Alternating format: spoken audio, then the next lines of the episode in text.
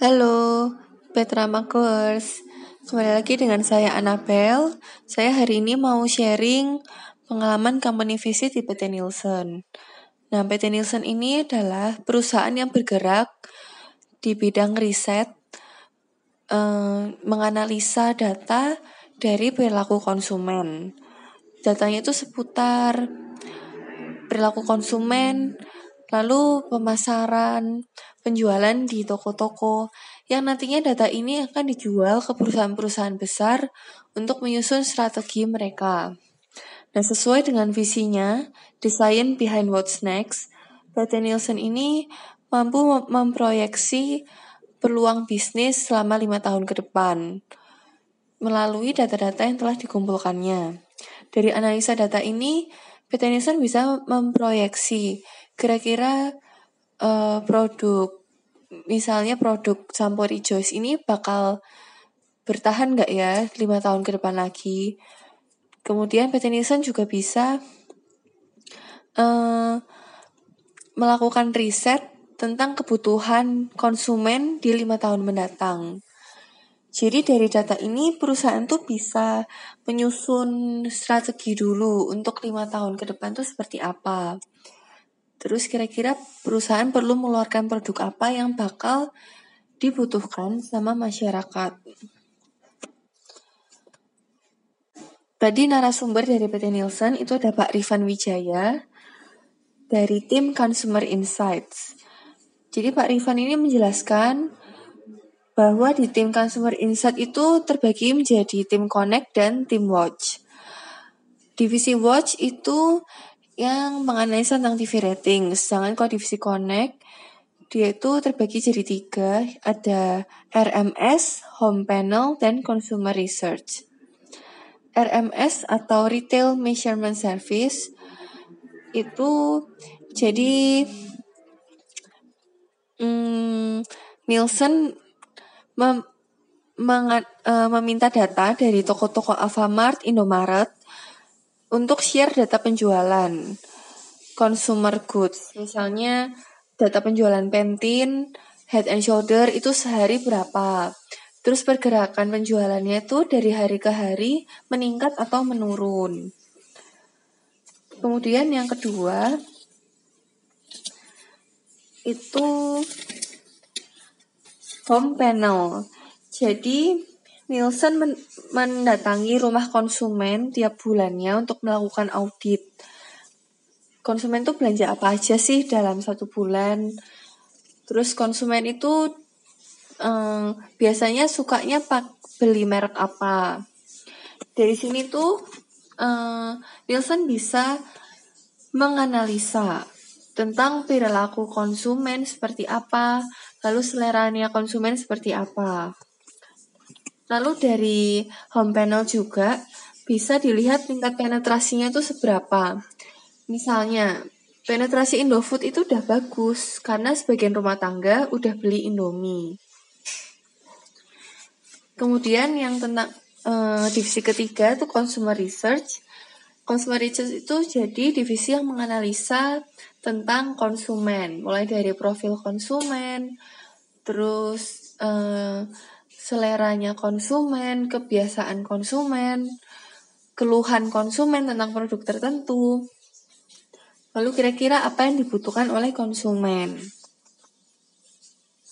Nah, selanjutnya kita mau fokus ke brand identity.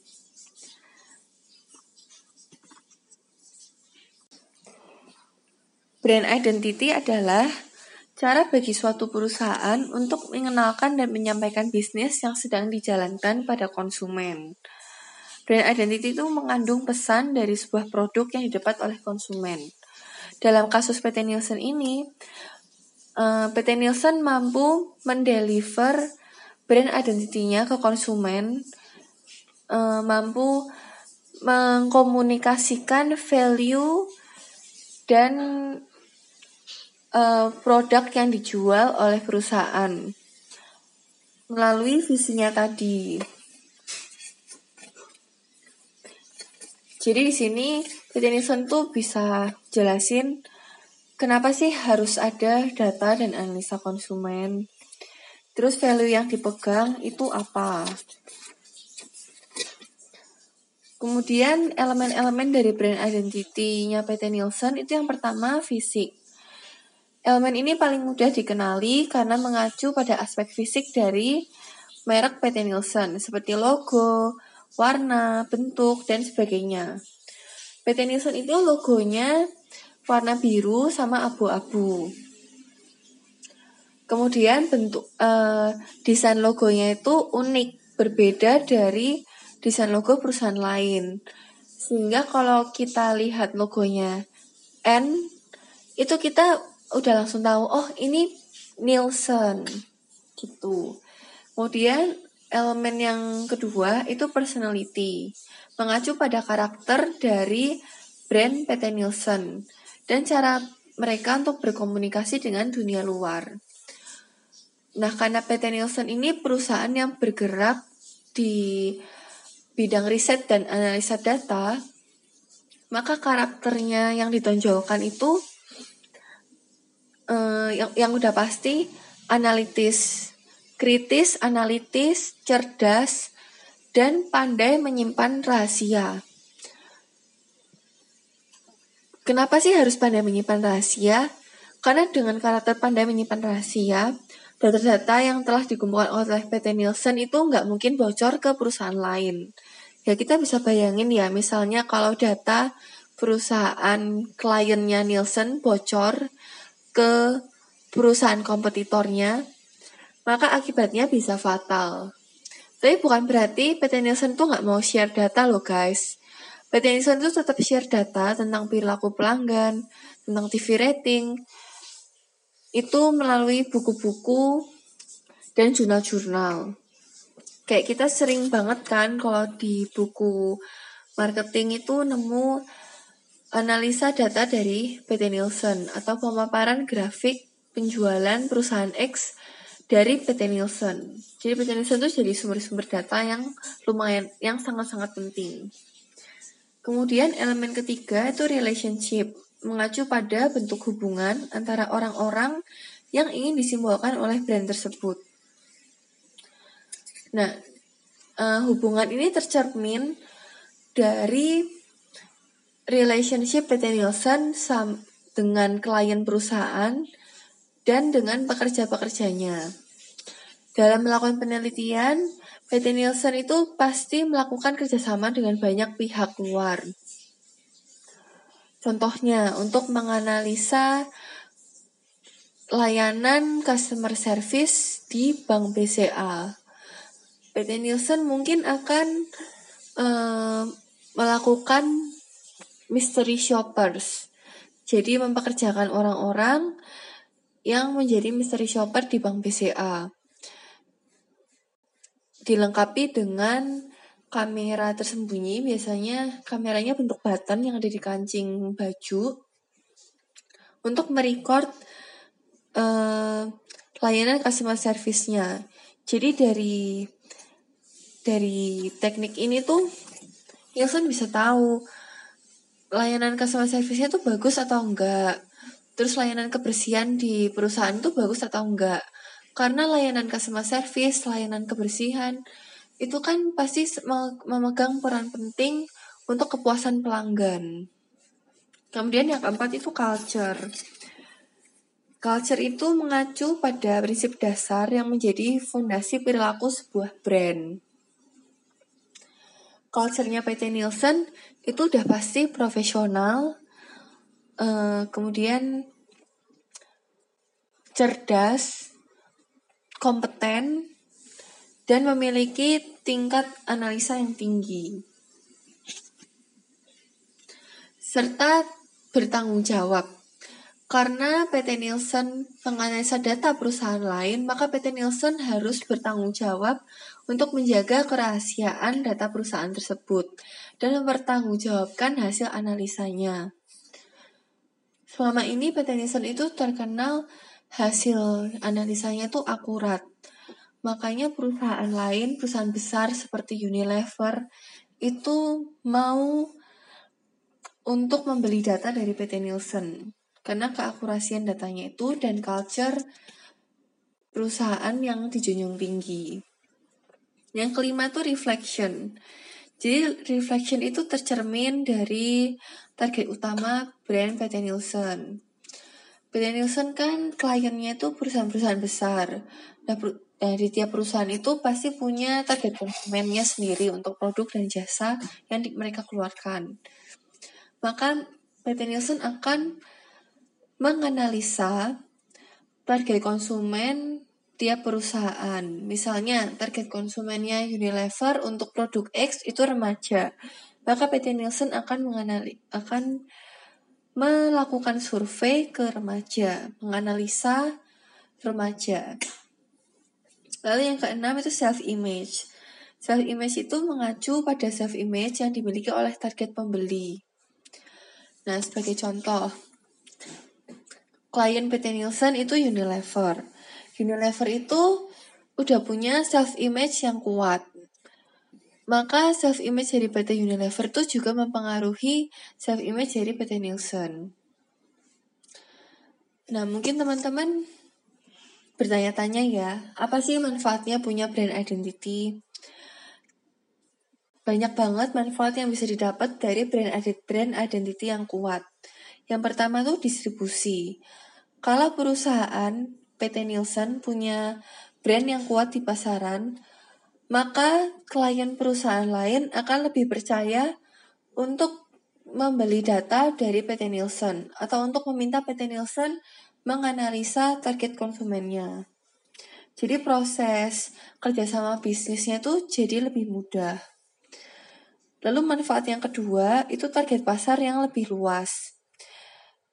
Kalau PT Nielsen berhasil membangun brand identity yang kuat, maka bisa dipastikan brand Nielsen ini akan jauh lebih menonjol di antara brand-brand konsultan lainnya. Hal ini yang menyebabkan merek PT Nielsen ini lebih dapat banyak perhatian dibandingkan jasa konsultan lain. Yang ketiga itu kesetiaan konsumen. Untuk mendapat kesetiaan konsumen, kita harus lebih dulu mendapatkan kepercayaan konsumen. Nah, untuk mendapatkan kepercayaan konsumen, PT Nielsen tentunya uh, menjalin hubungan yang baik dengan konsumen, lalu berdedikasi berdedikasi penuh untuk melayani konsumen tersebut. Misalnya untuk klien perusahaan, berarti PT Nielsen itu benar-benar menjunjung tinggi kredibilitas dan akurasi data dalam menganalisa target konsumen yang diingini oleh perusahaan. Dengan menjaga kualitas produk atau jasa yang ditawarkan, maka perusahaan itu punya kesempatan yang besar untuk memperoleh kesetiaan konsumen. Lalu gimana sih caranya kita bisa membangun brand identity yang bagus, brand, brand, brand identity yang kuat seperti PT Nielsen? Yang pertama, kita perlu membuat kesan yang unik. Kesan unik itu bisa dibuat melalui gambar yang ikonik, slogan yang mudah diingat dan menarik, dan suasana yang berbeda. Jadi kita kalau bikin brand identity itu harus um, punya keunikan yang membedakan brand kita dengan brand perusahaan lain. Yang kedua itu konsisten setelah setelah Anda membuat kesan, merek, gaya desain, cara promosi, dan lain-lainnya itu nggak boleh berubah-berubah. Karena konsistensi itu sangat dibutuhkan untuk memudahkan konsumen mengingat brand Anda. Kalau perusahaannya nggak konsisten dan sering ubah-ubah gaya atau ciri khas suatu produk, maka konsumen itu bakal sulit inget-ingetnya. Bahkan mungkin mereka mereka merasa bingung dan aneh. Yang ketiga itu berbeda. Suatu perusahaan bisa mencari tahu kekurangan pesaing, kemudian menerapkan solusi atau penawaran yang lebih di brand perusahaan tersebut. Yang keempat, berhubungan atau interaksi. Sebuah bisnis itu pasti dibangun dalam suatu wilayah di mana mereka punya nilai dan budaya sendiri. dalam membangun brand, perusahaan tuh harus memperhatikan nilai dan budaya yang ada. Salah satu caranya adalah dengan menyesuaikan cara komunikasi dengan karakteristik bisnis dan konsumen pada wilayah tersebut. Contohnya, McDonald tuh punya perusahaan induk yang pakai bahasa Inggris. Maka saat buka cabang di Indonesia, mereka menggunakan bahasa Indonesia dalam komunikasinya, sehingga konsumen memahami pesan yang disampaikan oleh McDonald. Sama halnya dengan PT Nielsen. PT Nielsen itu pusatnya ada di Amerika, dan tentunya memakai bahasa Inggris. Karena PT Nielsen membuka cabang di Indonesia, maka PT Nielsen juga uh, menyesuaikan budaya di Indonesia beradaptasi dengan budaya di Indonesia, salah satunya melalui bahasa, menggunakan bahasa, bahasa Indonesia yang akan mudah dimengerti oleh klien, oleh pekerjanya, dan oleh responden-respondennya. Yang kelima ini komunikasi langsung. Komunikasi langsung berkaitan dengan pelayanan yang diberikan. Sebaiknya perusahaan memberikan ruang untuk konsumen melakukan komunikasi dengan brand Anda dengan memudahkan mereka dalam menikmati layanan yang ditawarkan oleh brand itu. PT Nielsen itu uh, selalu melakukan komunikasi secara langsung dengan kliennya. Jadi PT Nielsen tuh bisa tahu kliennya tuh maunya apa sih. Terus kliennya tuh target konsumennya seperti apa. Jadi sebelum PT Nielsen uh, melakukan riset untuk klien, PT Nielsen terlebih dahulu akan mencari tahu latar belakang perusahaan tersebut. Nah, segini dulu ya guys sharingku tentang brand identity, khususnya brand identity di PT Nielsen. Semoga hmm, sharing ini bisa bermanfaat untuk kalian semua. Thank you buat perhatiannya. Saksi, uh, kalau kalian ingin tahu lebih dalam, kalian bisa dengar podcast episode selanjutnya. Dadah.